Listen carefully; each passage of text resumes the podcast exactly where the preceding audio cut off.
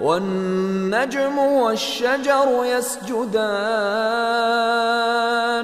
والنجم والشجر يسجدان. النجم اسم جنس والمراد به النجوم تسجد لله عز وجل.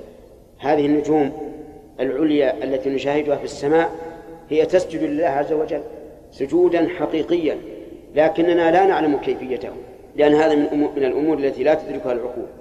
الشجر يسجد لله عز وجل. سجودا إيش؟ حقيقيا. لكن لا ندري كيف ذلك.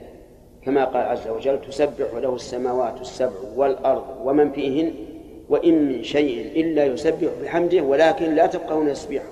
إذا النجم المراد به يعني كل النجوم. النجوم كلها الشجر كل الأشجار في الأرض تسجد لله عز وجل. قال الله تعالى ولله يسجد من في السماوات ومن في الأرض.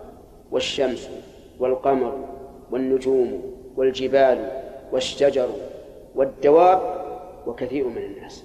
كثير من الناس يقابله وكثير حق عليه العذاب فلا يسجد والعياذ بالله. ألم ترى أن الله يسجد له من في السماوات ومن في الأرض؟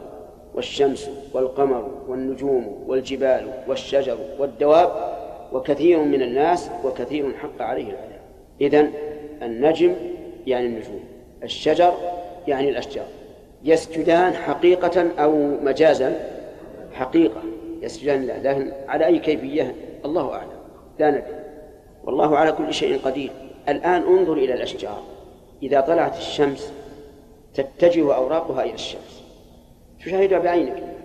وكلما ارتفعت ارتفعت الأشجار. وإذا مالت الغروب مالت أيضا. هذا نشاهده. لكن هذا ليس هو السجود. إنما السجود حقيقة لا يعلم.